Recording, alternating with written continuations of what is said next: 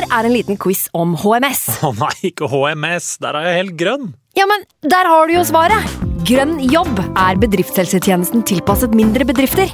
Våre HMS-eksperter hjelper mer enn 8000 bedrifter over hele Norge med alt fra lovpålagte HMS-krav til pålegg fra Arbeidstilsynet. Få på plass bedriftshelsetjeneste på grønnjobb.no. Hallo? Jeg kommer fra Oslo politikammer. Ine Jansen er purk. Er du purk? The motherfucking bitch. Alt jeg vil, er å finne ut hva som skjedde med mannen min. Jon Carew. Er jeg sikta for noe? Iben Akeli. Det er du. Ole So, Lars Berrum og Big Daddy Karsten. Hvem sin side er du på, egentlig? Anette Hoff, Tone Danielsen, Kommer du fra Afrika? Jørnis Josef, Nesten. Kløfta. Trond Espen Seim, Det er synd å si det, men det var feil mann som døde. Purk. Premiere tirsdag på TV2 Play. I 2014 kommer Luke Shaw til Manchester United som landets største backtalent. Men han brekker beinet under van Gaal og blir et slags psykologisk eksperiment for Mourinho. Nå er han plutselig en av lagets viktigste brikker under Solskjær. Så hva skjedde? Dette er historien om Luke, lykken og lidelsen.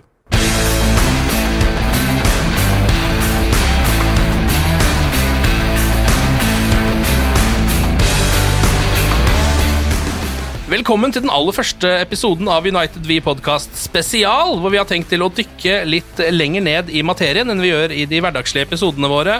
Eivind Brennhovd Holt, velkommen. Endelig er vi i gang. Endelig! Bjarte Valen er også med oss fra London. Hallo, Bjarte. Hei, hei, Ken. Hei, hei, Eivind. Dette har vi gledet oss til. Ja, dette er noe du har snakket om lenge, Bjarte. Ja, dette har vi snakket om i et par år, i alle fall. Eh, og det er noe vi virkelig har, har levd og åndet for, eh, som vi endelig har fått sjansen til å sette i gang. Så vi, eh, vi gleder oss som unger til julaften. ja, Vi kan jo forklare litt hva vi har tenkt å gjøre. da. Vi har tenkt til å ta eh, litt forskjellige temaer som handler om Manchester United. Det kan være historisk, det kan være enkeltspillere, enkeltsituasjoner. eh, litt mer sære ting eh, som man kanskje ikke rekker å gå ned i til, til hverdags. Så skal vi på en måte utbrodere det over en eh, lengre episode sånn innimellom. Eh, disse her kommer til å komme eh, de gangene det er en blanding av overskudd og godt nok materiale. er vel en god måte å si det på? Ja, jeg syns det. Eh, skru ned tempoet litt. Mm. Tørre å snakke om store temaer. Gå i dybden, rett og slett. Eh, vi har United Be Podcast som oppsummerer uka. Eh, og det skal, vi, det skal du fortsette med, Ken. Ja. Eh, men innimellom så møtes vi tre og, og snakker om, som vi skal eh, gjøre i dag, bare om Luke Shaw. Eller det kan være en en episode om Fergusons første trofé og hva det betydde for fortsettelsen. Det kan handle om økonomi, Paul Pogba eller andre ting. Så mm, vi bare gleder oss til å kaste oss ut i det her, egentlig, og så håper vi at så mange som mulig blir med, da. Og I dag så skal vi altså eh, gå i dybden på en av Uniteds virkelige formspillere nå om dagen. Venstrebekk Luke eh, Shaw. Eh, Jeg vet ikke, Eivind, hvor har du lyst til å begynne? Jeg har lyst til å begynne med en graf, jeg. Ja, på en podkast. Nei, men altså Hvis vi skal illustrere graden av trygghet på venstrebekken eh, i Manchester United, så kan du begynne med Dennis Irvin, som ble henta fra Oldham eh, tidlig, tidlig Ferguson-tid. Eh, og så kan vi gå via Silvestre og, Heinz til eh, Patrice Evra og egentlig konkludere med at venstrebekken var på en måte aldri et problem for eh, sir Alex Ferguson. nei. Eh, men i 2014 så forsvinner jo Evra, eh, sammen med Vidic og Ferdinand. Det er jo nesten Det kunne vært en episode i seg sjøl, hva som skjedde den sommeren der. Ja. Eh, og så er det da bare Alexander Bytner eh, igjen. Så blir det raskt klart at arven skal plukkes opp av en fersk eh, 18-åring. Luke Shaw har allerede vist seg fram eh, i Southampton og ønska alle storklubbene i England. Så når United slår Chelsea i kampen om, eh, om Southampton-talentet og gjør han til verdens dyreste tenåring, så stilles det jo egentlig ingen spørsmål. Nei. Selvfølgelig skal han bli en eh, stor suksess. United har skaffa seg en 18-åring eh, som skal spille venstreback for United de, de neste 15 åra. Eh, og spoler vi fem år fram i tid, så veit vi at Shaw er nok en av de første spillerne som Solskjær setter opp på, på blokka si. Ja. Men vi veit også hvilke utfordringer Shaw har hatt på Old Trafford. Eh, han brekker jo beinet under van Gaal og, og har sine utfordringer under Mourinho. Eh, og det som kanskje er litt underkommunisert, og som vi skal touche på i den episoden her, da, er at han ikke har gjort det så veldig enkelt for seg sjøl heller. Nei, eh, for man har jo en eh, tendens eh, Bjarte, til å skylde på José Mourinho når det kommer til mye av det som har skjedd med Luke Shaw. Det, det har vi. Men jeg tror, hvis du går tilbake til den gangen Luke Shaw signerte for United, så husker jeg jeg snakket med han som var korrespondent for lokalavisen Southern Daily Eco i Southampton. Og han beskrev Luke Shaw som en av de mest tilbakelente og avslappede fotballspillerne han noen gang hadde møtt. Og da husker jeg jeg spurte han, ja, men det er vel en fordel, ikke det det? Så sa han at ja, men det er kanskje en, fordel, en fare for at han er for avslappet, Mm. for tilbakelent. Eh, og det var noe som jeg bet merke i den gangen når han sa det. Jeg tenkte ikke så veldig mye over det, men jeg tror faktisk det er en hårfin balansegang mellom det du kan kalle en viss form for sløvhet og en avslappethet, hvor det har vært vanskelig for Luxor å finne den rette balansegangen. Ja, og øh, det er jo litt det vi skal ta tak i, som sagt. Og i 2019 da, så får Luke, eh, ikke Luke, Lukaku, Smalling og Young en Q&A foran kamera, hvor de får spørsmål om hvilken United-spiller som gjerne glemmer passet når de skal ut og spille i Europa. Alle tre svarer øh, Luke Shaw i kor, og det er ikke et sammentreff. Who's most likely to forget their passport or travel adapter on an away day? Sure. I'm going to say Shuri. And all three of us said the same thing. Luke Shaw er kanskje ikke den eh, skarpeste, alltid. En, eh, han er liksom fyren i kompisgjengen som ikke har med passet sitt og har glemt kredittkortet når du har spist middag på restaurant, liksom. Eh, men nå har han jo blitt voksen, denne tusseladden. Eh, en av lagets viktigste brikker under Solskjær. Sannsynligvis så kommer han til å spille seg inn på det engelske landslaget også igjen, vil jeg Mm. tro, i den formen han er nå. Det er jo relevant å spørre hvorfor han trengte da seks år fra å være et supertalent back til å bli den bekken som alle liksom egentlig hele tiden bare tok det for gitt at han skulle bli. Mm. Ja, og man på en måte trengte rett og slett å møte litt motgang, og man trengte et Mourinho-slag i, i trynet. Eh, og grunnen, da, altså for å ta det, historien bak det svaret til eh, Lukaku, eh, Smalling og Young, det, det handler om noe som har rot i virkeligheten. Eh, første helga i mars i 2017 så får så beskjed om å stille med dokumenter og passfoto på Carrington for å ordne vi, eh, russisk visum. Da skal United spille bortekamp mot Rostov i Europa League. På det tidspunktet har han bare spilt to kamper i 2017, så han skjønner at nå får han en, en mulighet som han er nødt til å gripe. Ehm, så møter i andre etasje på, på Carrington, uh, men innser når han står foran de folka som har kommet fra konsultat i, i London, at han har glemt det passfoto hjemme. Og det blir, det høres trivielt ut, men det blir et styr, for de må ta nytt bilde av Shaw med riktig bakgrunn, riktig utsnitt osv., og, så videre, og så må de få skrevet ut det her. Og de folka fra London de skal rekke et tog, hvor de da skal ha med seg den uh, fingeravtrykkmaskinen som de skal bruke for å registrere det visumet her. Um, Enden på visa, når United boarder flyet til Russland eh, noen dager senere, så er ikke Luke Shaw om bord. Eh, det er ikke fordi vi som ikke ordna seg, det, det gikk i orden, eh, men det er fordi Mourinho bestemte seg for å ikke ta med venstrebekken allikevel. Mm. Og det oppsummerer jo på en måte Det er en historie som oppsummerer både Luke Shaw og José Mourinho oppi, det her, oppi, oppi, oppi alt det her. Um, og det vi skal touche litt på, er jo liksom Hadde Luke Shaw blomstra på samme måte uten de prøvelsene han har vært eh, gjennom, både under Fangal og, og eh, Mourinho? Mm. Og ikke minst hvilke knapper er det Solskjær da har trykka på, eh, som gjør at han nå har blitt en, i hvert fall akkurat nå, er en ja, stabil kvalitetsbekk, rett og slett.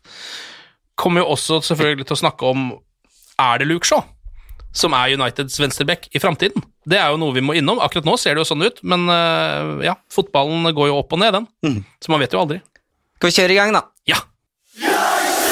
Ok, historien om eh, Luke Shaw her i United We Podcast spesial. um, vokser opp på slutten av 90-tallet ved Themsen, i utkanten av uh, London. Går på skole der, i grevskapet Surrey. Alltid viktig å få med grevskap, syns jeg. Ja, det er så engelsk. ja, det er så engelsk. Det er så urbritisk, liksom. Uh, men ok, la oss ta litt av oppveksten til uh, Luke Shaw, da, Eivind. Ja, han vokser jo opp eh, som naboen til treningsfeltet til Chelsea, der eh, Vialli og Ranieri holder på eh, som Chelsea-trenere eh, på den tida her, men havner jo mye lenger eh, sør. Eh, vi har jo en som sitter i London, så du kan jo ta oss gjennom geografien her, Bjarte. Hvor er det vi befinner oss, egentlig? Vi befinner oss i Cobham først, der treningsfeltet til eh, Chelsea ligger. Det ligger eh, like i nærheten av eh, Kingston upon Thames, der Shaw ble født. Eh, for de som har kjørt til eh, flyplassen Gatwick, eh, så har de antageligvis kjørt forbi treningsfeltet til Chelsea uten å være klar over det, for det ligger veldig tett på motorveien M25. Eh, og det var jo ventet at Chelsea hadde full kontroll på alle de talentene som kom fra det området der. Eh, men det er jo riktig som du sier, han, han ender jo litt lenger ned sør. Hvis Mm. du kjører, faktisk kjører forbi Gatwick og helt ned til sørkysten til eh, Southampton. Ja, han er jo på prøvespill i Chelsea, eh, men får ikke um, plass i akademiet, manglende fysikk. Eh, men han vokser opp som Chelsea-supporter. Drogba er liksom den store helten, Ashley Cole er den store rollemodellen. Eh, og som du er innom, Bjarte, så er det ingen 95, altså spillere fra 95-årgangen i Chelsea i dag.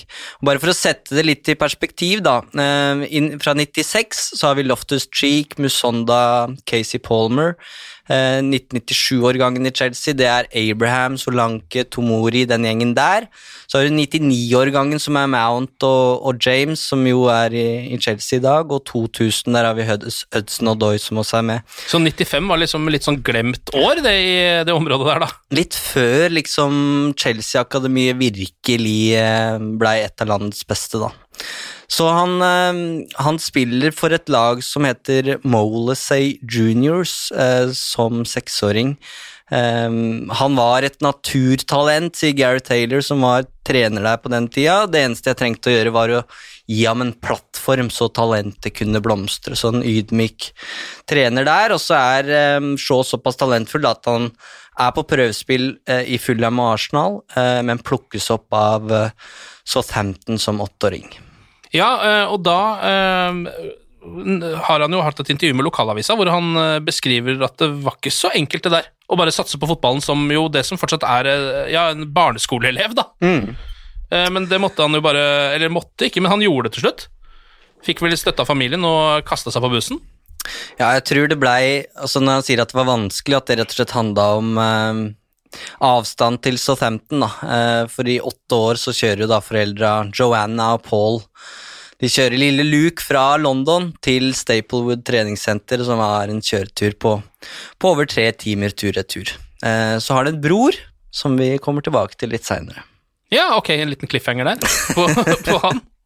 Og oppveksten hans i Southampton-akademiet, det, det er på en måte det eventyret som alle juniorspillere drømmer om. Eh, Det er en hverdag med kompiser, trygghet og rivende utvikling. Mm. Um, Altså deilig. Ja, og man blir misunnelig, gjør man ikke Ja, det? jo, jo, det. Begynner å drømme tilbake. Ja. Eh, Men han lærer jo fort at det er forskjell på Løkka i Surrey da, og et profesjonelt akademi, eh, og Luke Shaw er egentlig en helt sånn gjennomsnittlig spiller som ikke skiller seg ut i noe særlig stor grad, før liksom det første gjennombruddet kommer når han er 15 år. Og da går han rett opp på U18-laget til Jason Dodd, som selv var en stor Southampton-spiller i, i sin tid. Og for å skape litt kontekst igjen, da, så er han jo i uh, Southampton-akademiet sammen med spillere som Callum Cha Chambers, uh, Harrison Reed, Matt Target, Jack Stevens og James Ward Prowse. Ja. Så det her er jo en talentfull gjeng, eh, og det er som jeg sier, det er en kompisgjeng. Ja. Eh, som eh, flere av de her går opp på førstelaget etter hvert. Mange av disse her ble jo ganske Sammen. prominente Premier League-spillere. Ikke sant? Mm. Eh, og så har du Theo Walcott da, og Gareth Bale, som på den tida her er etablert i Arsenal og Tottenham, så det her er liksom kullet etter de to superstjernene, da. Og litt seinere så skal Luke Shaw um, debuterer på U21-landslaget til England, riktignok i veldig ung alder, men, og da er det sammen med spillere som Ben Amos, uh, Nathaniel Klein, som han da spiller sammen med i Southampton, Danny Rose, Jordan Henderson, Raheem Sterling og Wilfred Sa. Jeg tror alle er klar over hvor gammel Luke Shaw er, men det her viser litt hvilken generasjon han egentlig er en del av, for han Mm. slo gjennom så tidlig at man nå kanskje mm, tenker på han som litt eldre enn det han faktisk, faktisk er, da. Ja, og det her begynte det å gå ganske fort. Gjorde det ikke det? Det gikk fort i svingene for uh, unge Luke. Ja, han fyker Jo. egentlig rett gjennom U18-laget til førstelaget, um, og debuterer under Nigel Atkins i 2011-12-sesongen. Uh, får 14 minutter mot Millwall uh, i FA-cupen, um, og samme år så rykker uh, Southampton opp til Premier League. Mm. Eh, og han får seg vel også altså Hvor gammel er han når han debuterer på A-laget der? 16 år, så han debuterte da på U18-laget som 15-åring, og som på førstelaget som 16-åring. Ja. Og Dette får jo da store klubber med seg. Eh, Arsenal, Chelsea og, og City lurer jo i kulissene her, da. Det er ikke tilfeldig at Southampton produserer så mange gode fotballspillere. Eh, ser man på alle de Premier League-klubbene som har eh, toppakademier, så er det eh, to klubber som overproduserer talenter til Premier League-klubber og til egen klubb eh, i forhold til størrelsen på klubben. Og det er Crystal Palace og det er Southampton. Mm. De to klubbene produserer enormt mange talenter som faktisk enten de blir stjerner i egen klubb eller går videre til andre klubber. Eh, og eh, Klaus Lundekvam har jo fortalt meg mange ganger om eh, akademiet til Southampton og den jobben som bl.a. Jason Dodd gjorde der. Eh, så til tross for at det har vært eh, uro på eiersiden i, i eh, Southampton i, eh, i flere epoker, så er det ingen tvil om at talentarbeidet som har vært begått i den klubben, har vært eh, eksepsjonelt bra. Alle ender jo i Liverpool, da, men ja, de gjør det. bortsett fra Luke Shaw. Luke Shaw får jo også etter hvert prøve seg, ikke bare prøve seg, men spille seg til fast plass, faktisk, i Premier League for Southampton også. Ja, han eh, debuterer i Premier League mot eh, West Bromwich eh, i november og spiller seg inn på laget. Eh, men her begynner vi å, å touche litt på det som jeg syns er interessant, og det er det som er litt ambisjonen eh, vår her, for å spille med litt åpne kort da, i, i, i den podkastspesialen, at det virker kanskje nå som vi går gjennom eh, Wikipedia-sida til Luke Shaw, men ambisjonen vår er jo å fortelle historier som ikke er fortalt. Komme med anekdoter som kan forklare litt om hvorfor ting har gått som det har gått. For det forsvinner veldig ofte i den mediehverdagen vi er en del av i, i dag, da. Mm. Og her kommer på en måte det første varselflagget da, eh, som reises av Nigel Atkins, som jeg ikke har, eh, har vært klar over tidligere, i hvert fall. Eh, Og det er at han, si, han sier eh, at eh, Luke Shaw sliter med å holde 90 minutter. Ikke bare i Premier League, men også på U18-nivå. Mm. Og nå snakker vi altså eh, 17 år gamle Luke Shaw. Men han debuterer som sagt i, november og spiller seg inn på, på laget. Og etter en 2-2-kamp eh, mot Chelsea i januar 2013 så sier eh, trekker eh, Atkins fram Shaw, sier vi vil at Klein og Shaw skal bombe framover. Eh, Shaw demonstrerer hvor, hvor moden han er for alderen. Og da hadde altså Luke Shaw akkurat fått seg en fan i manageren sin, men det skulle jo ikke hjelpes veldig lenge, for han fikk jo sparken med en gang. To dager seinere Ja. så får Atkins sparken. Og inn så kommer en argentiner fra Spanjol. Ja, Og velkomsten den er ganske lunken, som man er- gjerne er når det er eh, britiske mm, managere som kommer til Nei, unnskyld, når det er eh, utenlandske managere som kommer til England. Uh, with due to respect um, What does he know about our game? What does he know about the Premier League? What does he know about the dressing room? Does he speak English? altså Engelsken til Maurizio Pochettino var så som så, men alt det andre der eh, får han vel ganske høye terningkast på, tror jeg. Dette er da Laurie McMenemy som um, går ut mot Pochettino etter ansettelsen. Laurie McManamy er jo en uh, legende i Southampton. Uh, en managerlegende og en av de, de største klubbskikkelsene der nede. Eh, jeg husker det managerbyttet der ekstremt godt, for da satt jeg faktisk eh, i hotellbaren på, i Lærdal, av alle plasser, sammen med Frank Stapleton og Lee Sharp, når jeg fortalte dem at Southampton hadde fått ny manager. Og når jeg fortalte dem hvem det var, så hadde ingen av de hørt om han, og de syntes det var en skandale at Nigel Atkins, som hadde da tatt Southampton fra League One til Premier League eh, på rappen, to opprykk på rad, ikke skulle få lov til å fortsette, til tross for at det hadde gått litt grann trått i begynnelsen i, i eh, Premier League.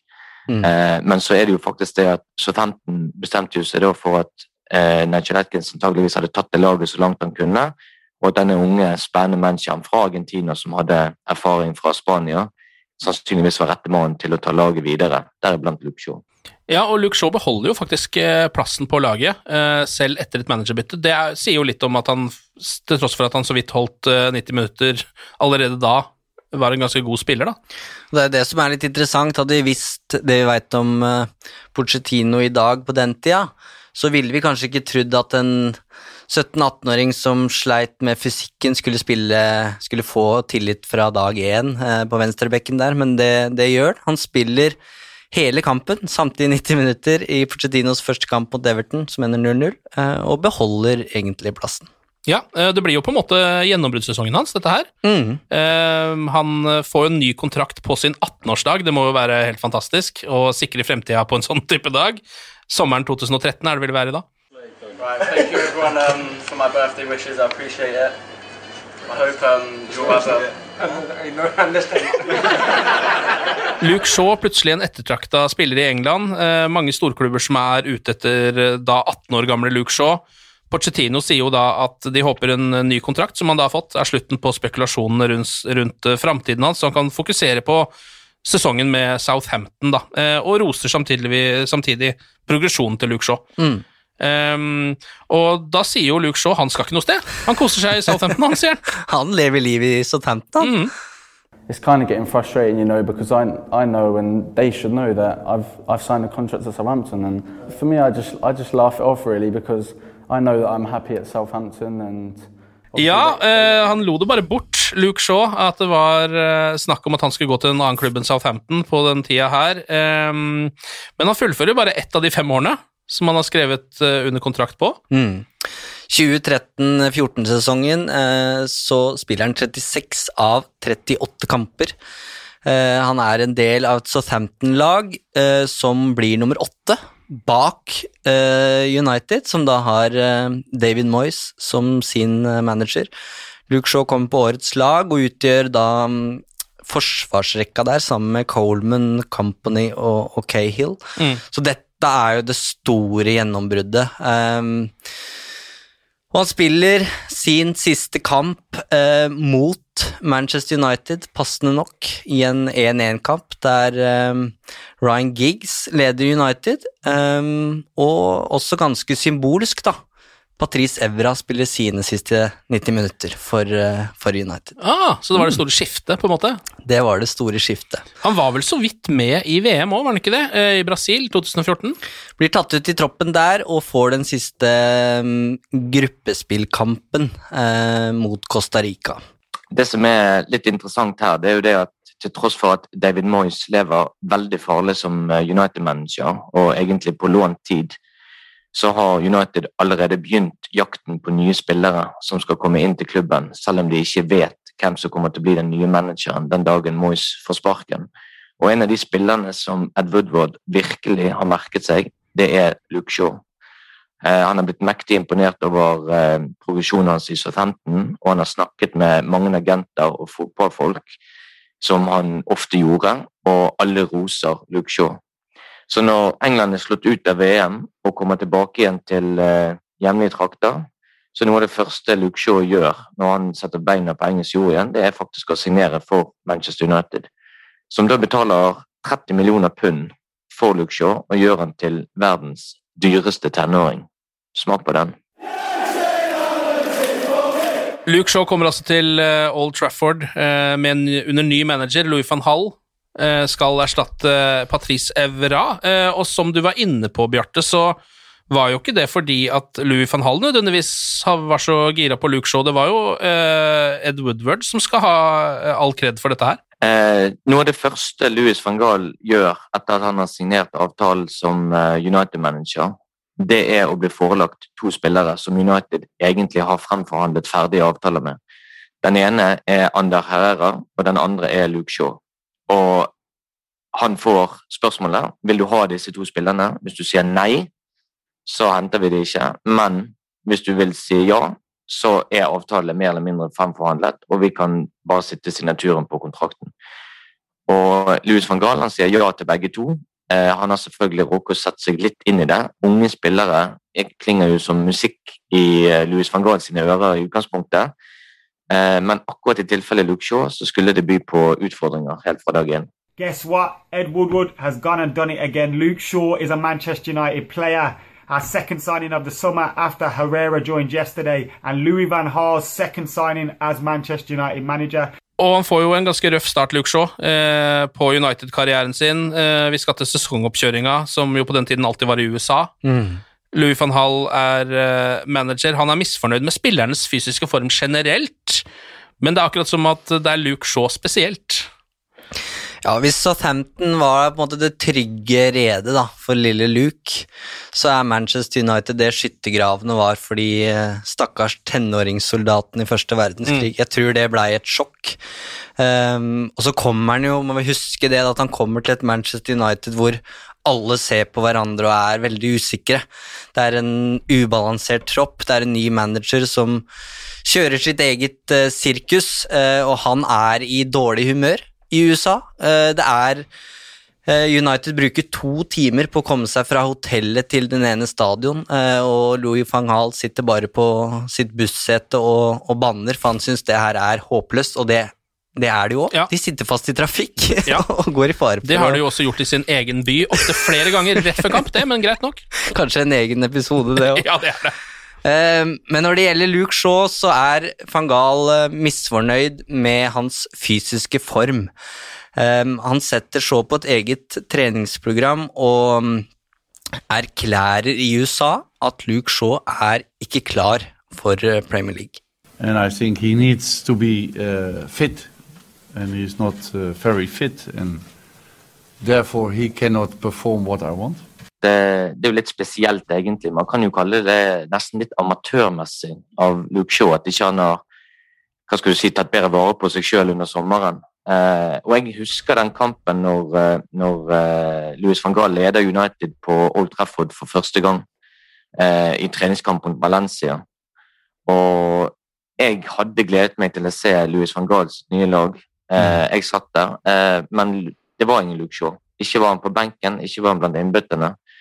Eh, og jeg tror ikke jeg var den eneste som klødde meg litt i hodet når jeg satt og tenkte på verdens dyreste tenåring. Ikke engang i troppen til United. Hvor langt unna er han egentlig førstelaget? Eh, det er vel ingen muligheter for at han kommer til å starte første seriekamp mot Swansea. I'm not ready, but my squad is ready. That's more important. Og det første han får spørsmål om på sin første Premier League-pressekonferanse, det er Luke Shaw. Hvorfor er ikke denne nye venstrebacken, som har blitt verdens dyreste tenåring, klar til seriestart? Now, I have already said that it's difficult uh, to uh, prove what is uh, the cause. That I have said. And now you are asking the same question in another way. But I'm smart. Van Gall altså mektig irritert på nysignerte Luke Shaw, mener han eh, opptrår regelrett uprofesjonelt. Det er ganske sterke ord fra en manager til en ung spiller som kommer inn. Um, han mente da at uh, Shaw ikke var på samme nivå som de andre spillerne på trening. Det er jo én ting, men også at han da, og dette skal jo bli en slags føljetong, at Luke Shaw er en type som kommer for seint til måltider og glemmer passet sitt og hele den greia uh, der, da. En kilde som har fortalt til United-supporteren uh, tidligere. Ja, det er to ting som egentlig skal, eh, som jeg var litt inne på i innledninga, som skal gjøre det vanskelig for Shaw i United. Det er nummer én den fysiske formen, og nummer to han er ei vimse. Ja. Um, og når det gjelder ehm, fysikken, så er ikke van Gaal den eneste. Vi, vi husker hva Atkins sa, og um, Hodgson, som var landslagssjef for England, han, han uh, sier at Pochettino har jobba hardt for å bygge opp fysikken til, til Shaw i Southampton, og seinere så skal vi også høre hva Mourinho mener. Um, Shaw flytter til Manchester og har en litt sånn eh, kollektiv eh, livsstil. Altså, han bor med kompiser i Manchester. Ja, litt studentliv. Ja, og det er, ifølge rapportene, det er mye brus, det er mye fast food, og de er ikke så redd for å utnytte det Manchester har å by på på kveldstid. Så det er en livsstil som ikke, ikke er eh, helt forenlig med det å, å lykkes i United som 18-åring. Eh, og i 2018 så tar Luke Shaw et oppgjør eh, med det her, for det, det, snakkes mye om fysikken hans. Uh, han erklærer at han aldri har vært i dårlig form, uh, og sier at folk kan si at de er feit, men jeg kjenner min egen kropp. Jeg ser stor ut fordi jeg har en robust kroppsbygning, og jeg har samme type kropp som Wayne Rooney. Mm, I'm not fat, I'm big boned, som jeg pleier å si. Men det der er jo, eh, er jo særdeles spesielt, fordi den kroppen har han jo den dag i dag, og nå er han jo beviselig en veldig god spiller. Eh, og senest nå, bare for en uke siden, så snakka jeg med eh, Sven Sunde fra Heia Fotball, mm. og han sa det at det der sjokkerer meg stadig vekk, fordi eh, Luke Shaw ser ut som han spiller på publaget til Bernt Hulsker. jeg skjønner litt hva han mener. Ja, det er akkurat det. Du skjønner jo hva han mener. Mm. Uh, men det ser jo nå ut som han uh, greier seg bra. Ja. Men han skal jo innrømme da flere ganger seinere at han nok ikke gjorde, gjorde det manageren forventa, da. Nei. Det tar altså en uh, stund før han får debutert for Manchester United i Premier League. Vi skal ut i sjette runde eh, mot Westham. Eh, United uh, vinner 2-1 i den kampen. Mm. Og Luke Shaw spiller seg vel egentlig sånn delvis inn på laget, gjør han ikke det, i løpet av debuten? Ja, og det går litt opp og ned den første sesongen. Han pådrar seg et rødt kort seinere mot Westham, og så spiller han bare 45 minutter, altså første omgang mot Arsenal i FA Cup-kvartfinalen, sier sjøl at han sleit med ryggen. Ehm, men det er, også, det er godkjent. Han viser at han er verdt å satse på, ganske enkelt, da. Eh, og neste sommer så tar han tak eh, med hensyn til det vi har snakka om fysikk. Da er det Shaw Janut Sai som drar med personlig trener til Dubai. Uh, og du skal jo Jeg mener, som Manchester United-spiller så er det kanskje det man skulle forvente, at de holder kroppene ved like i, i ferien, men han er selvkritisk når United er i USA igjen, uh, og sier at han ikke kan klandre noen andre enn seg selv for det som skjedde den første sommeren med van Gaal, uh, at han rett og slett ikke var i god nok form, og at han ikke har noen problemer med å akseptere det. Nei, og der uh, eh, syns jeg han har virka ganske sånn profesjonell egentlig hele veien, Luke Shaw. Uh, for han har jo fått mye dritt fra flere managere. Vi har vært innom oh, yes. noen av de nå, og det verste har ikke kommet ennå. Uh, men han har alltid Nei. tatt det, syns jeg, med Hva skal man si? Da? Han har tatt det som en god politiker, hvis man kan si det på den måten. Ja, han virker tykkhudet utad. jeg er litt mer usikker på hvordan han er som, som type og person egentlig, men det virker som han tar til seg kritikk. Eh, det går sikkert en grense for han som det gjør for alle andre, hvis han mener kritikken er urettferdig og blir for massiv og, og for krass. Eh, men utad så eh, tar han i hvert fall ikke til motmæle i, i, media, og han er flink til å erkjenne hvis han selv har gjort feil. Og det tror jeg er en holdning som har hjulpet han tilbake igjen og som hjalp han tilbake igjen den, eh, den andre sommeren. For når United starta sin andre sesong under eh, Louis van Gaal, så starter starta jo den vesentlig bedre enn det den første gjorde. Ja, og den gjør jo også det for Luke Shaw, som ja, i hvert fall er ganske sånn fast på laget i starten her. Spiller vel de syv første matchene fra start. United vinner fem av de, det ser ganske bra ut, og endelig så ser man liksom kvalitetene som man kjøpte på venstrebekk der, da. Vi gjør det, og det er litt av eh, Louis van Gaal sin litt nye tilnærming med United. Vi så et mye mer defensivt, solid Manchester United eh, den andre sesongen. Eh, de, eh, mange vil si at det virket kjedelig, men det var rett og slett fordi at United hadde sluppet inn for mange billige baklengsmål i hans første sesong.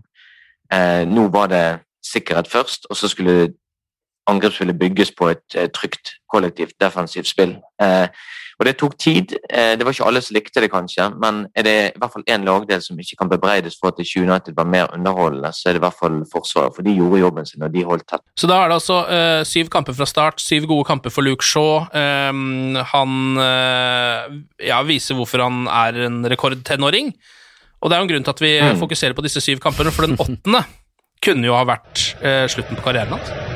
Shaw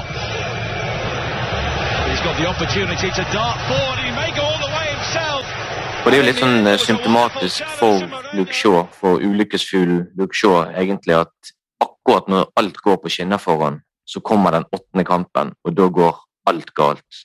absolutt alt. Eh, vi husker sikkert de bildene som, som var fra den kampen mot, eh, mot PSV eh, i Eindhoven 15.9. Eh, i 2015, hvor Luke Shaw da kommer stormende inn i PSV-feltet, felles av eh, Hector Moreno eh, og bli liggende.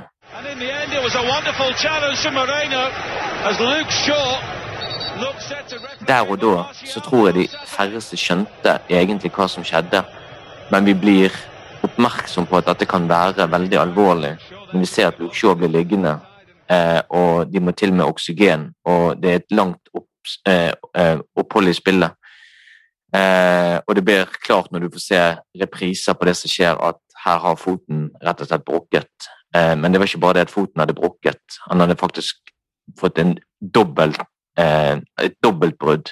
Eh, og det var eh, Det kunne fort faktisk vært karrierepunktum for Luke Shaw der og da.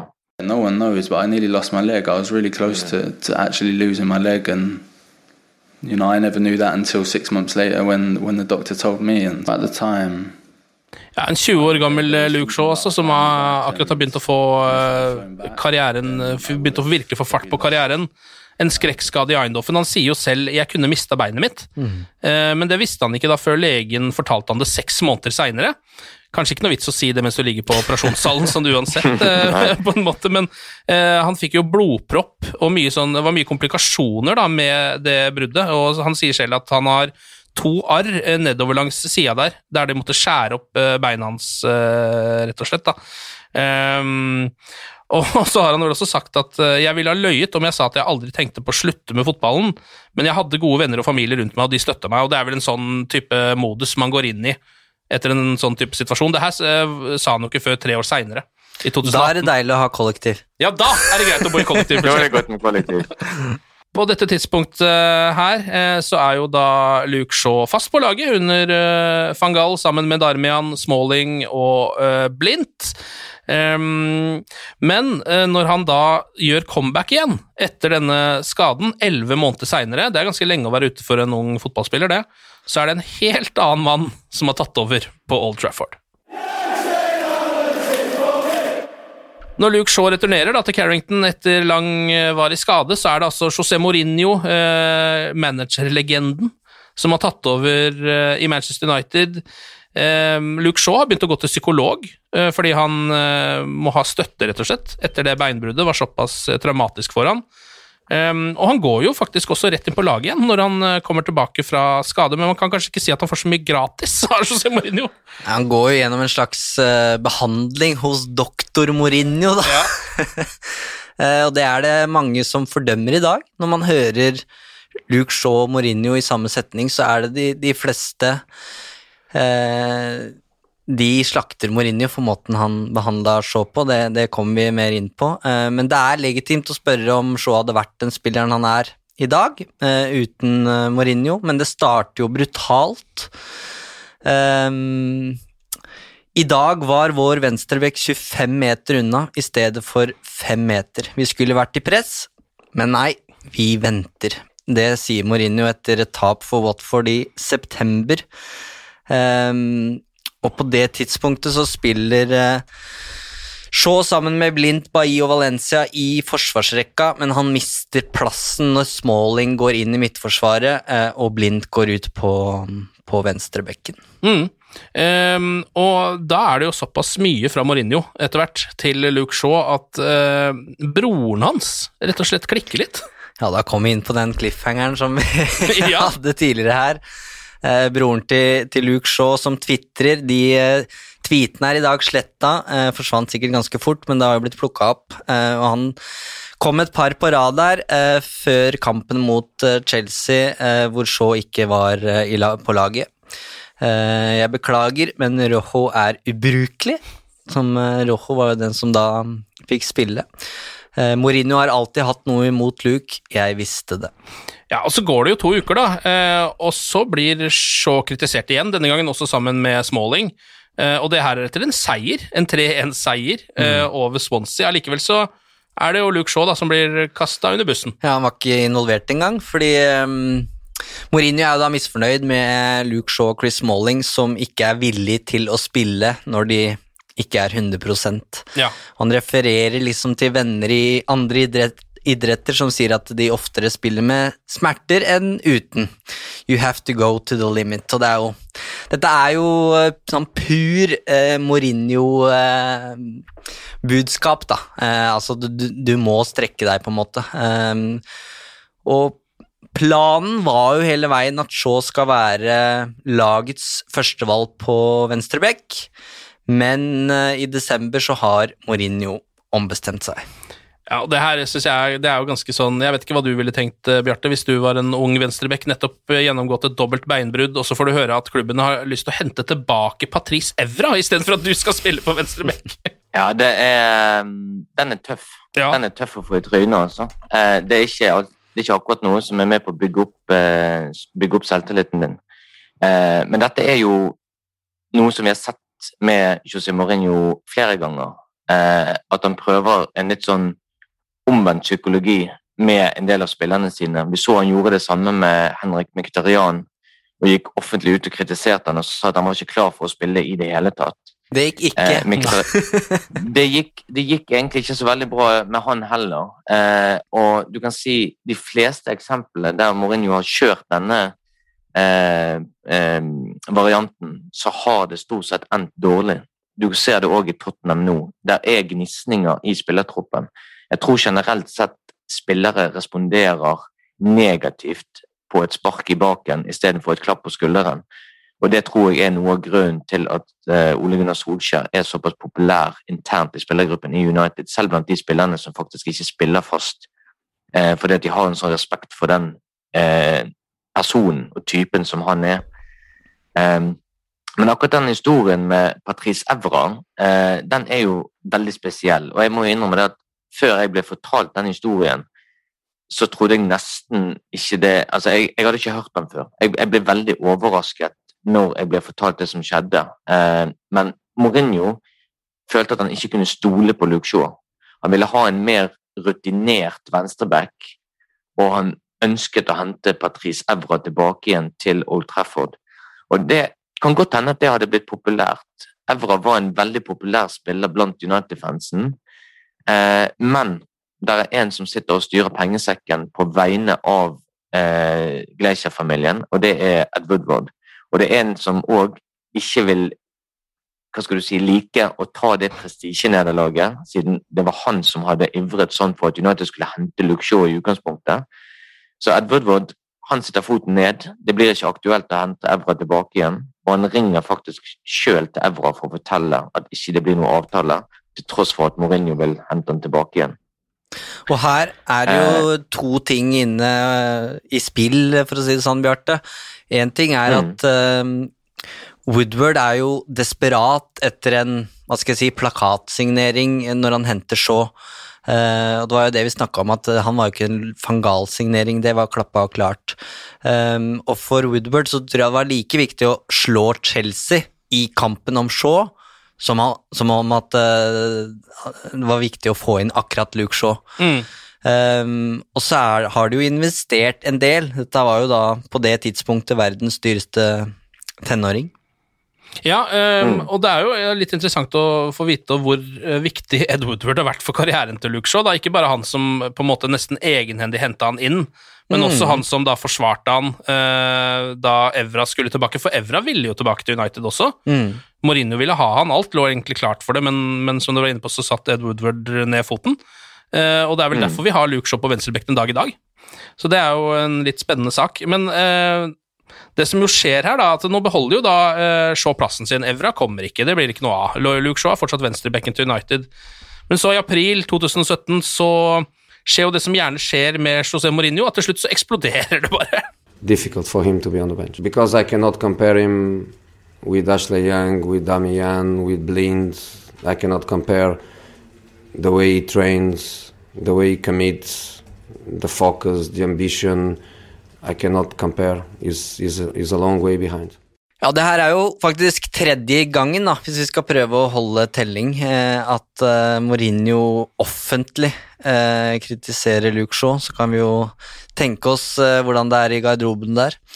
Eh, og den fjerde gangen, det kommer eh, etter Everton-kampen, eh, for Luke Shaw kommer likevel inn etter 65 minutter, til tross for kritikken på, på pressekonferansen før kamp. Da ligger United under eh, 0-1. Eh, Zlatan berger poeng på overtid. Men Mourinho bruker tid på pressekonferansen til å, på å slakte venstrebekken som spilte 25 minutter, og det er en av de verste talene i Mourinhos karriere. He had a good performance, but was his body with my brain. Because he was in front of me and I was making every decision for him. Ok, det er altså tredje gangen Mourinho er ute og kritiserer så offentlig. Eh, forholdet deres er jo ikke spesielt godt. Det vet vi. Hvor er ståa akkurat her?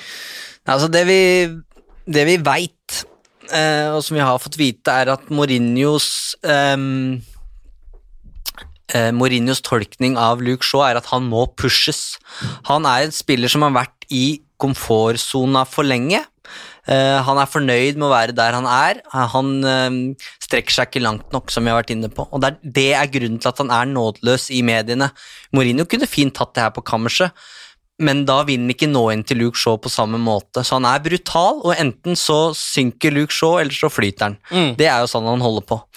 Ehm, og han har jo eh, Vi var inne på at United vant på en måte kampen om Luke Shaw mot Chelsea, og da var det jo Mourinho som var Chelsea-manager.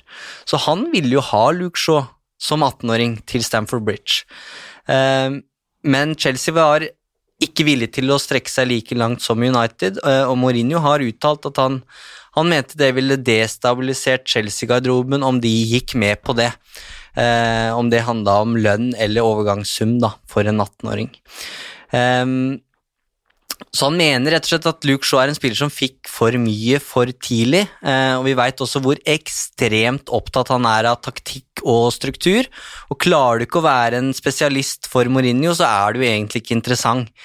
Ehm, og alle øvelsene skal jo forberede spillerne på kampsituasjoner og utstyre dem med spesielle bevegelsesmønstre. Så liksom det Mourinho vil ha i en venstrebekk, da, det er jo fysikk og taktikk. Og det er jo på en måte ikke Luke Shaws største styrker på det tidspunktet her. Men eh, det går da an å eh, ta en Altså, nå er jo ingen av oss psykologer, men det jo- går jo an å diskutere dette her. Um, fordi hvis man bare ser på det, hvordan det har blitt, så, uh, så ser, ser det ut som Mourinho er en uh, psykologisk mester. På mange måter. Fordi det begynte med en spiller som glemte passet sitt og kom for seint til trening. Nå sitter vi med den Luke Shaw vi har akkurat nå. Imellom der var eh, noen timer med uthenging i media. Så hvis man bare ser på det, så tenker man at dette har funka, men så enkelt er det vel kanskje ikke. Jeg tror eh, Ole Gunnar Solskjær skal ha veldig mye av æren for at Luke har blitt den spilleren han har blitt. Eh, for det har ikke bare gått på eh, Det har ikke bare vært en dans på roser under Solskjær hele veien heller. Det er liksom først denne sesongen her vi virkelig har fått Luke opp på det nivået som vi vet at, han har inne når han spiller på sitt beste. Men det er jo litt interessant, for det at forskjell tror jeg mellom José Mourinho og en manager som Sir Alex Ferguson eksempel, som virkelig kunne la det gå en kule varmt i garderoben, og så kunne sparke Solskjær sine fotballsko i hodet på bekken, eller kunne kaste tekopper etter spillere, eller skjelle de ut etter noter. Eh, forskjell er rett og slett at du så omtrent aldri i løpet av Ferguson sine 26 år som Manchester United-manager at han gikk ut i media eller på pressekonferanser og kritiserte sine egne spillere utad. Det var ekstremt sjelden. Det, det lengste han strakk seg til, det var gjerne å si at det var et fortjent rødt kort hvis det var en spiller som hadde fått det, hvis det var det. Eh, men ellers så kunne han forsvare spillerne sine til det nesten så tåpelig ut. Eh, Mourinho har mye kortere lunte akkurat der. Han tror åpenbart at det å gi spillerne denne tøffe utfordringen, servere dem en utfordring med å si ok, nå har jeg kritisert deg, motbevis meg, eh, den fungerer ikke like bra.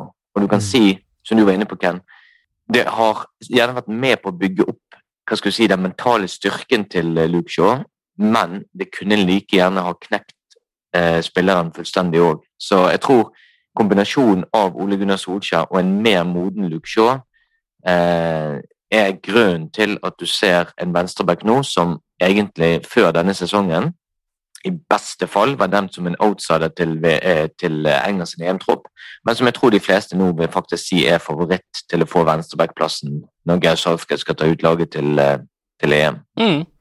Og det er jo nesten eh, helt utrolig hvis man ser på den situasjonen vi er i per akkurat nå, da, som er rett før seriestart 2017-18-sesongen.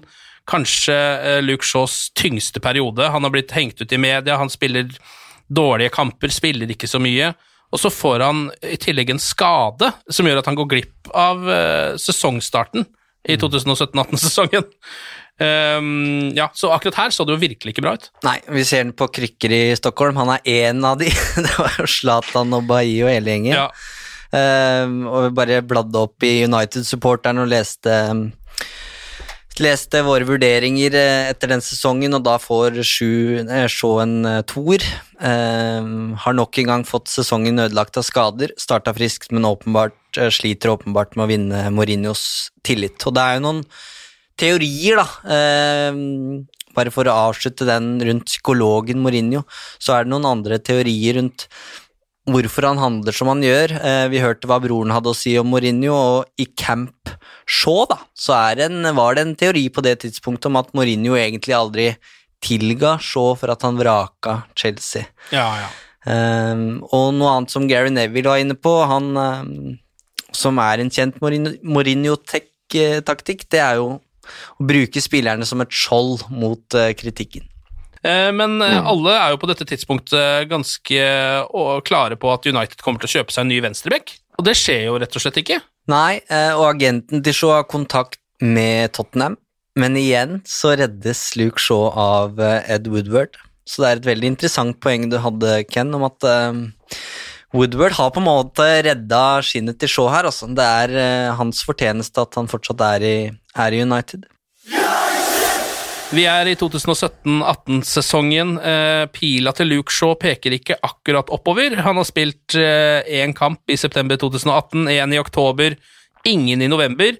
Young eh, eller Blindt har tatt plassen hans, rett og slett. Men så, nå begynner vi faktisk å nærme oss et lite vendepunkt, for her skal det begynne å snu litt etter hvert, Eivind. Ja, det kommer som lyn fra klar himmel, egentlig, i januar. Eh, for øyeblikket ser jeg ikke mange venstrebacker som er bedre enn Luke Shaw. Sier Mourinho før han i klassisk eh, stil vraker Shaw mot Burnley. Og det sjokkerer Luke Shaw. Han skjønner ingenting. Altså, du hører at Du får høre at manageren trekker deg fram som en av, en av verdens beste venstrebacker, og så får du ikke lov til å starte mot, uh, mot Burnley. Um, og noen måneder seinere, i mars, så blir han tatt av i pausa mot Brighton i FA-cupen. Men dette er femte og siste gang Mourinho går ut mot um, Shaw. Og det er ikke tilfeldig, for denne gangen lar ikke Shaw seg knekke. Uh, det blir en høylytt diskusjon i United-garderoben i, i pausa, en diskusjon som høres utafor veggene, um, og noe av det så sier til Mourinho, er 'hvorfor hakker du alltid på meg'? Um, mange opplever det her som at Mourinho går over streken, at altså, det oppleves rett og slett som mobbing, det han har gjort mot Luke Shaw. Um, men spørsmålet er om det var det her, det var det øyeblikket der som var målet til Mourinho hele veien. Det var ditt han ville ha Luke Shaw at Shaw skal vokse opp og stå opp for seg sjøl. Det er veldig deilig, for det er jo sånn gatementalitet, nesten. Det er litt sånn gangster, Hvis du møter en eh, gangster på gata, liksom, eh, så vil han på en måte hunse deg så lenge han kan, og hvis du bare tar det, så tar du det, men med en gang du slenger noe dritt tilbake, så sier han bare 'I like you'. Respekt. Mm. Respekt. Respekt. Det har vi hørt Mourinho si før. Mm. Kanskje var det også det han uh, sa til Shaw etter den uh, gangen der. Men det her er jo et sentralt spørsmål i, i historien om Luke Shaw, da.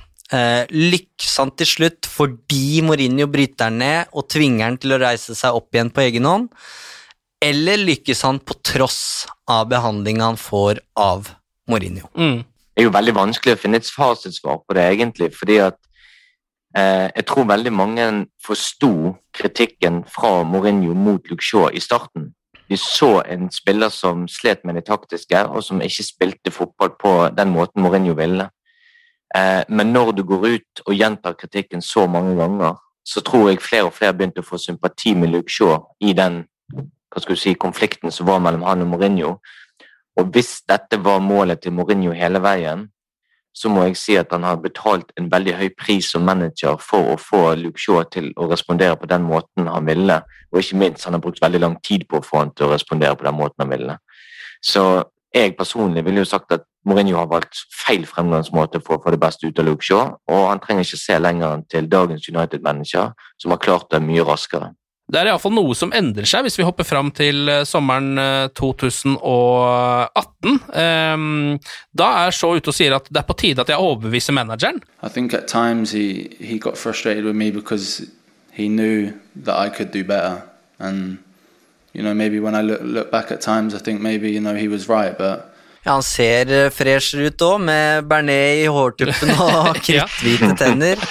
Um, men er nok i angrepsposisjon og veldig bevisst på kritikken han har fått. Uh, og det virker her som at han har ja, noe har skjedd med Luke Shaw. Uh, om han har blitt mer moden, eller om han har fått uh, det sparket han trengte bak, så er det et eller annet den sommeren som gjør at han er Han er heit.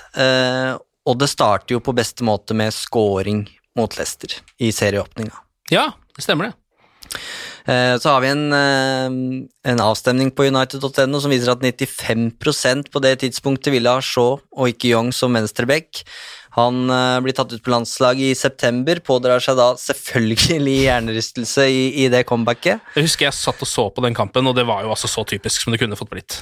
Ja, da går jo tankene tilbake til Eindhoven, ikke sant. Ja, ja, ja. Um, igjen en skade på verst uh, tenkelig tidspunkt, men uh, han kommer seg raskt og får ny kontrakt i oktober. Um, og for Luke Shaw personlig så går det jo nå veldig bra, men han trøbler jo sammen med resten av laget her. Uh, dette er jo Mourinhos siste dager, og Luke Shaw er gjerne en av de som er minst dårlig liksom på, på laget. Mm.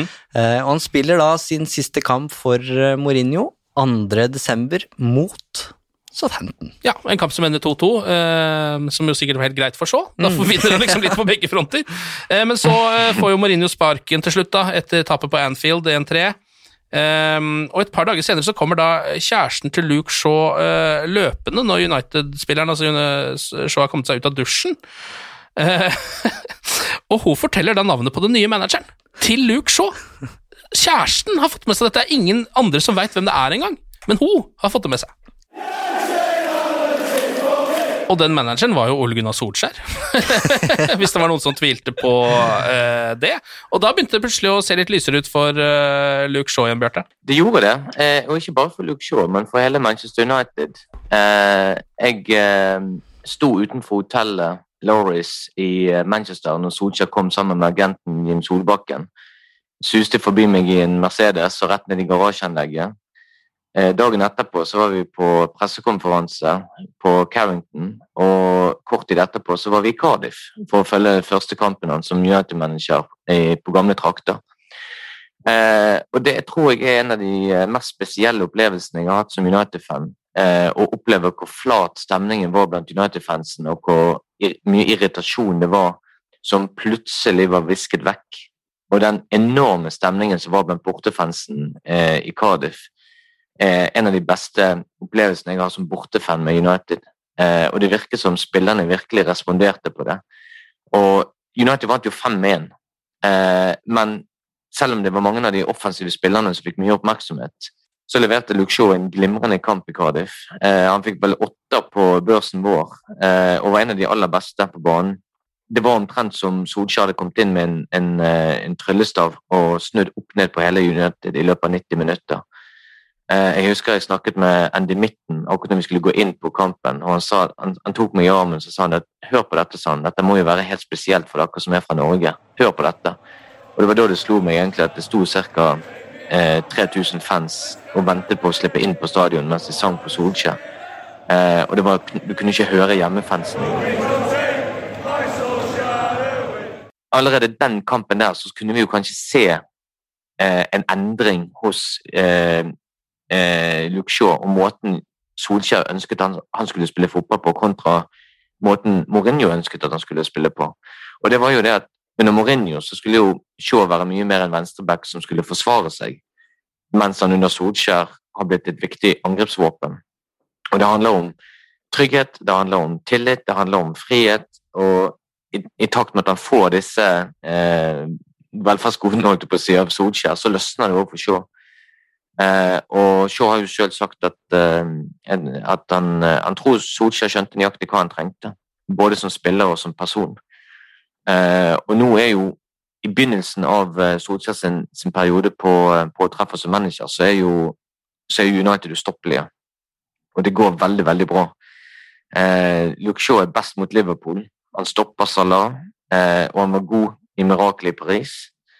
Eh, han har gått fra å være en spiller som mange på en måte håpet skulle slå til, til å bli en spiller som har blitt eh, hva skal vi si, en godkjent United-back, der vi trodde at han kom til å skli rett inn i den arven etter Irvin og, og eh, Evra. Der er han omsider kommet nå. Det har tatt tid. Eh, det har vært noen tårer på veien. Det har vært mange nedturer. Eh, men det er òg verdt å legge merke til at han faktisk blir eh, kåret til årets spiller i United. Nå er Luke Shaw òg en av de spillerne som man forventer kommer til å reise til, til EM. Eller det er ikke sikkert de reiser så veldig langt, for det deler av mesterskapet mm. blir jo spilt i England. men Luke Shaw er nok med i den landslagstroppen til Gareth Southgate. Og selv om han har fått konkurranse fra Brandon Williams, selv om han har fått konkurranse fra Alex Telles. 2020 det blir på en måte Luke Shaws års år likevel. Enten han spiller venstreback eller han spiller midtstopper i en trebackslinje, så gjør han jobben, og han imponerer. He's coming on, Luke. He's getting better and better, and he's uh, he's in a good form now. Left back or left centre back is uh, is of course after his injuries worked hard, and he deserves it. Da er vi egentlig framme ved eh, nåtid. Eh, framme i eh, den sesongen som spilles nå, 2020-2021-sesongen. Shaw har tatt enda et steg, egentlig, fra sesongen før. Nå er han jo da selv om han presses av Alex Telles, nyinnkjøpt venstreback, så har han tatt den plassen. Den er hans nå. Han skaper flest sjanser av alle forsvarsspillerne i Premier League. Han tar dødballer, han har fått en veldig mye bedre innleggsfot. Alt går liksom på en måte oppover da, med Luke Shaw. Så hvis vi skal gå tilbake til den grafen som du starta med i starten mm. uh, her, uh, Eivind, over Uniteds uh, venstrebacker, hvor ligger Luke Shaw, da? Altså, jeg tenker under van Gaal så må han ha vært på bånn. Ja. Um, det var en dårlig manager og dårlig form. ja. Og så kryper han kanskje sakte oppover under Mourinho, uh, med brutal behandling der. Og så har det vært brå stigning under eh, Solskjær. Så jeg ligger vel kanskje litt under Evra under. Evra, men over Silvestre. Ja. over Silvestre og Heinze. Et eller annet sted der. Ja. Ok, det er vel på tide å oppsummere litt, da. Eh, litt sånn kort oppsummert så virker det vel som eh, det å ta over eh, Evras faste venstrebekkplass i en av verdens største fotballklubber det var ikke en oppgave som Luke Shaw egentlig var moden for da han var 18 eh, og ble henta. Nå har han blitt voksen. Han har gått igjennom erfaring med van Gaal, Mourinho, Solskjær, tre helt uh, forskjellige managere. Og de har da forma han til å bli uh, først og fremst den fotballspilleren han er i dag, men også det sannsynligvis ganske mentalt sterke mennesket som Luke Shaw er den dag i dag. Ja, og jeg tenker det er to utfordringer som på en måte står igjen veldig klart for, uh, for meg, og det er at Luke Shaw um, har på en måte blitt uh, et offer for det som kanskje som mange vil mene er det største problemet i Manchester United i dag. Selv om det pila peker oppover med Solskjær, så er det en klubbstruktur der som uh, det er legitimt å sette spørsmålstegn ved. Um, og den første utfordringa her handler om at Luke Shaw var en Woodward-signering. Det var ikke en manager som sa jeg skal ha han venstrebekken fordi han har de kvalitetene og han kan spille på venstrebekken de neste 15 åra. Det var Woodward som var desperat etter å eh, flekse muskler som eh, som Uniteds administrerende direktør og vise at den katastrofesommeren der det bare ble et Fellaini-kjøp, um, det er ikke den han er. Så Woodward bestemte seg. Han skulle ha Luke Shaw, eh, og slo Chelsea i kampen om, eh, om 18-åringen. Um, men så er spørsmålet om det var om det var den venstrebekken som Louis van Hall ville signert hvis han kunne velge. Så Luke Shaw kom jo inn i et lag um, hvor manageren ikke er overbevist, og Nei. da får du en skeiv start. Også hvor manageren selv henter en venstrebekk fra sitt eget land, altså ja. Daily Blindt. Uh, det blir jo ikke noe lettere av det. Absolutt. Uh, utfordring nummer to handler om at Shaw ikke var klar. Mm. Uh, det noe av grunnen til at vi gikk såpass langt tilbake i tid og snakka om Luke Shaw som seksåring, eh, det var for å vise at han, han har jo ikke møtt motstand før. Han har på en måte hele veien fram til han eh, forlater Southampton som 18-åring, så har han egentlig bare spilt fotball eh, sammen med kameratene sine og, og utvikla seg. Eh, bare basert på det talentet han har. Så han knekker jo egentlig sammen eh, under press eh, i Manchester United, noe som er forståelig. Um, og han må ta grep mens han i Southampton kunne leike seg inn på laget, så, så får han tøff behandling av van Gaal og, og Mourinho, og det fikser han rett og slett ikke. Han glemmer passfoto, ikke sant, bo med kompisen og leve livet eh, i Manchester. Og som Neville har sagt, altså jobben din som fotballspiller er å gjøre alt du kan i livet ditt for å sørge for at du gir deg selv en best mulig sjanse til å prestere hver eneste dag og bli en United-spiller. Og det er så kjedelig. Jeg merker når jeg leser sitater sjøl at jeg sovner jo nesten. ikke sant? Ja, ja, ja. Men Gary Neville hadde jo ikke det talentet. Men han gjorde alt han kunne for å spille fast på det Ferguson-laget, og klarte det. Luke Shaw hadde nok talentet, men hadde jo ikke den Neville innstillinga, da. Um, men på et eller annet utrolig vis så har jo Shaw overlevd her. Han har bestått mm. de prøvene, uh, og er Manchester Uniteds venstreback i dag, så det er en solskinnshistorie. Vet vi noe om han fortsatt bor i kollektiv? Luke Shaw han bor i eh, rett i utkanten av Watringham sammen med flere andre United-spillere, bl.a. der eh, Zlatan Ibrahimovic lånte huset til eh, Tom Cleverley. Litt av en kåk, forresten.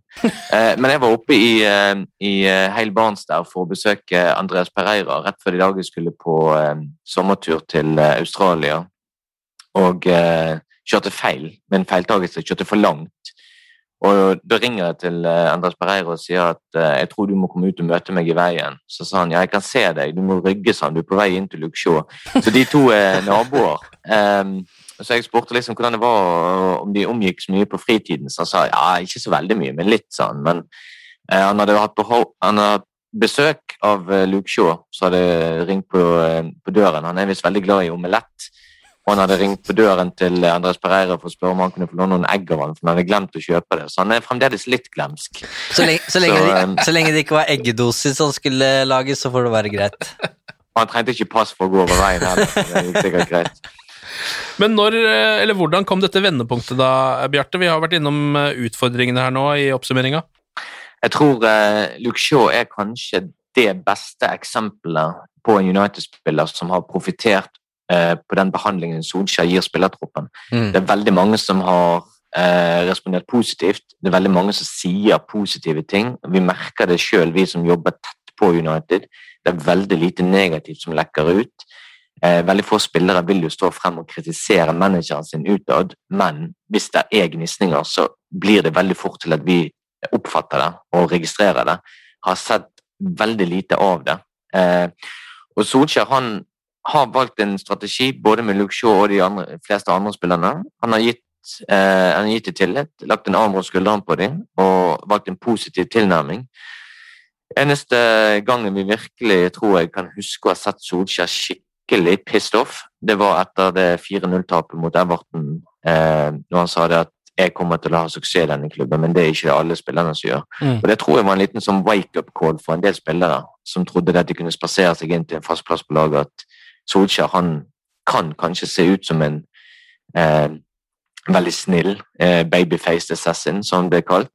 Eh, men jeg tror faktisk han er mye tøffere eh, egentlig med spillerne på tomannshånd, men han gir dem samtidig den backingen, den tilliten eh, og den eh, støtten de trenger for å kunne prestere. Så jeg tror, jeg tror kombinert med ting som har skjedd i privatlivet hans, som Eivind var inne på, at han, har blitt pappa Jeg tror summa summarum som, så gjør det kanskje sitt til at mange biter begynner å falle på plass for Shaw i livet. Eh, og det slår, ofte, det slår ofte positivt ut, og det har det gjort for Shaw, uten tvil. Er vi nå da eh, litt sånn avslutningsvis sikre på at 25 år gamle Luke Shaw er Uniteds venstreback i framtiden? Altså i årene framover, har vi fått oss en ny Patrice Evra?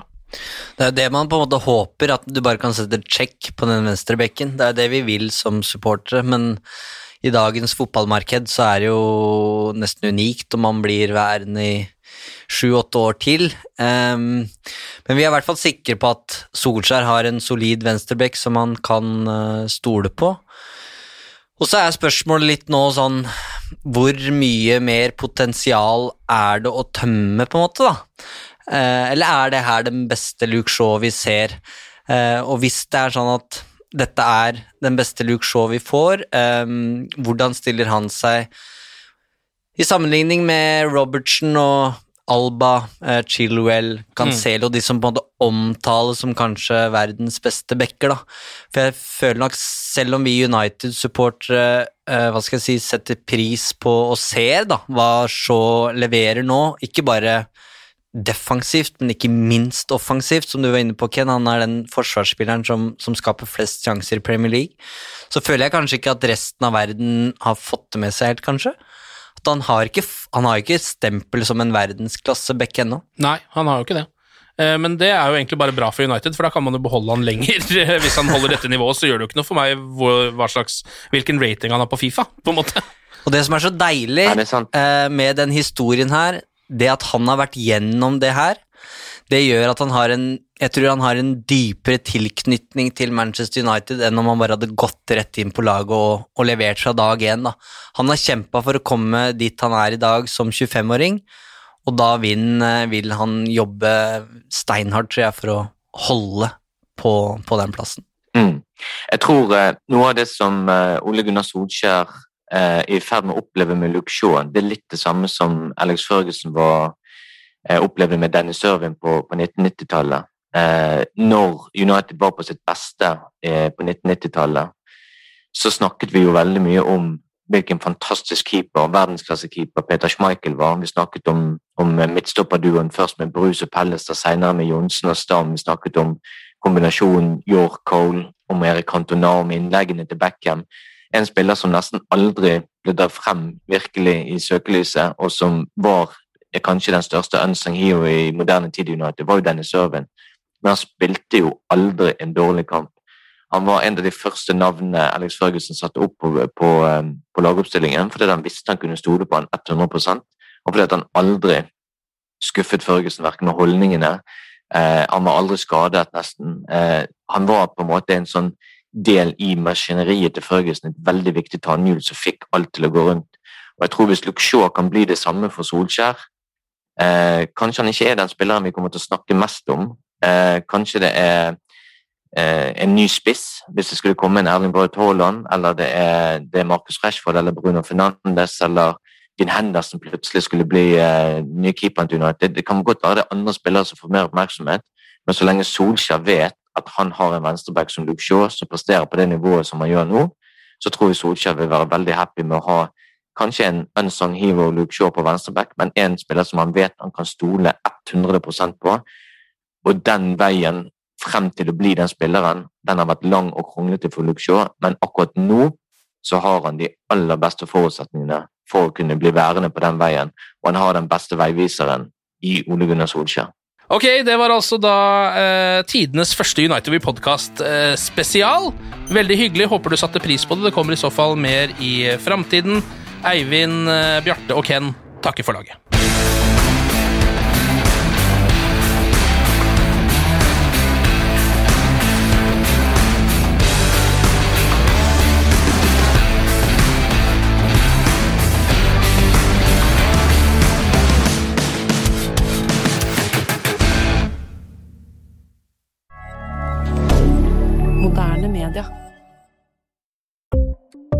Ukens annonsør det er matkasseleverandøren Hello Fresh. Der kan du velge mellom 25 ulike oppskrifter hver uke, eller få Hello Fresh til å sette sammen en meny for deg. Jeg sparer tid på å handle, oppskriftene er veldig enkle å lage, og så får jeg akkurat det jeg trenger da, til hver eneste rett, så jeg slipper å kaste så mye mat som jeg vanligvis gjør. Det er også litt deilig å faktisk slippe å gå på butikken, ikke bare fordi det er tidkrevende og sånn, men fordi man ender opp med å kjøpe så mye greier som man egentlig ikke trenger, sånn som fire poser eh, Smash og en kick med havsalt, eksempel. Det er ikke det du egentlig er der for, du er der for å kjøpe, kjøpe middag. Så det er en veldig eh, kjekk ting. I tillegg så er det jo eh, ferdigporsjonerte ingredienser, det blir mindre matsvinn, og du betaler bare for det du faktisk trenger, og det du faktisk da spiser. I tillegg så blir det da levert på døra til et fastsatt tidspunkt, sånn at du kan få det akkurat når det passer for deg eh, sjæl. Hvis Hello Fresh høres ut som noe for deg, så har jeg en rabattkode du kan bruke også. Gå inn på hellofresh.no og bruk koden HelloUnited24. HelloUnited i ett ord, også 24, og få opptil 1779 kroner i rabatt på de fem første matkassene dine hvis du ikke har prøvd Hello Fresh ennå. Du kan også bruke koden hvis du tidligere har vært kunde, men har stoppa abonnementet ditt for tolv måneder siden eller mer. Det er ingen bindingstid, og du kan pause eller avslutte abonnementet ditt akkurat når du selv måtte ønske. Husk koden HelloUnited24, og bon appétit! Ukens annonsør er Folio, en smartere banktjeneste for deg som har en egen bedrift eller ønsker å starte for deg selv. Folio er en superenkel nettbank for bedrifter. Som kunde i Folio får du en bedriftskonto med et bedriftskort og app. I denne appen er det smarte løsninger som forenkler regnskapet ditt, uansett om du har en liten bedrift eller et enkeltpersonsforetak. Folio er både intuitivt og brukervennlig, og er laget med et enkelt språk. I tillegg tilbyr de forutsigbare priser og ingen skjulte gebyrer.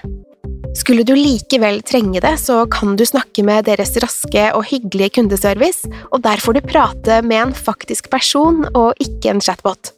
Folio er med andre ord både enklere og koseligere enn banken. Over 10 000 bedrifter har allerede valgt Folio som sin banktjeneste, så besøk folio.no og se hvordan Folio kan forenkle din hverdag også. Har du et enkeltpersonforetak eller en liten bedrift?